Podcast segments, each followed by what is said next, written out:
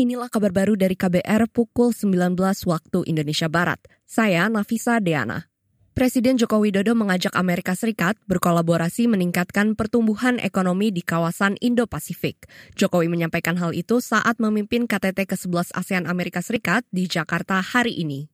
Namun kemitraan tersebut hanya akan terwujud jika terdapat komitmen kuat dari kedua belah pihak dalam menjaga perdamaian dan stabilitas kawasan. Yang mulia, ASEAN telah sepakat untuk terus menjalankan fungsinya sebagai lokomotif perdamaian dan stabilitas kawasan, di mana Indo-Pasifik harus menjadi platform bagi kolaborasi, Presiden Jokowi menambahkan, kemitraan yang kokoh dan berkelanjutan akan menguntungkan ASEAN dan Amerika Serikat, sebab Asia Tenggara merupakan kawasan yang menjanjikan. Diperkirakan pada 2045, Asia Tenggara akan menjadi urat nadi perdagangan internasional dan berkontribusi 5,4 persen terhadap produk domestik bruto PDB dunia.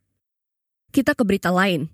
Saudara, Komisi Pemilihan Umum Daerah KPUD Kabupaten Bogor, Jawa Barat siap menggelar Pilkada serentak 2024 meski nantinya jadwalnya dimajukan dari November ke September. Namun, anggota Divisi Teknis KPUD Kabupaten Bogor, Heri Setiawan memperkirakan dampaknya beban kerja penyelenggara pemilu pasti bertambah.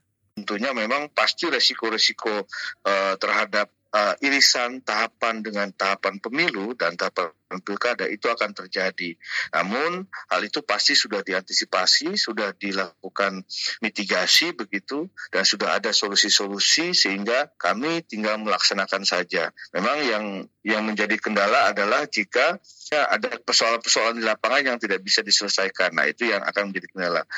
Anggota Divisi Teknis KPUD Kabupaten Bogor, Heri Setiawan menambahkan, guna menghindari petugas penyelenggara pemilu kelelahan, usia mereka dibatasi maksimal 55 tahun. Sebelumnya, Kemendagri tengah mengkaji usulan memajukan jadwal pilkada serentak dari November ke September. Menurut Menteri Dalam Negeri Tito Karnavian, usulan itu mungkin dilaksanakan jika KPU siap.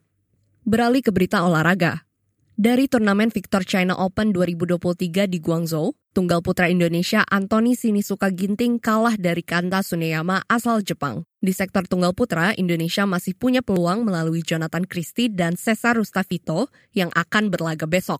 Sementara itu, kekalahan juga diderita tunggal putri merah putih. Andalan Indonesia, Putri Kusuma Wardani kalah dari Akane Yamaguchi. Di sektor ganda putra, Muhammad Fikri Bagas Maulana menang atas pasangan India Ranki Reddy Shetty. Victor China Open 2023 diselenggarakan hingga Ahad nanti di Guangzhou. Turnamen Super 1000 ini menyediakan hadiah 2 juta dolar Amerika atau lebih dari 30 miliar rupiah.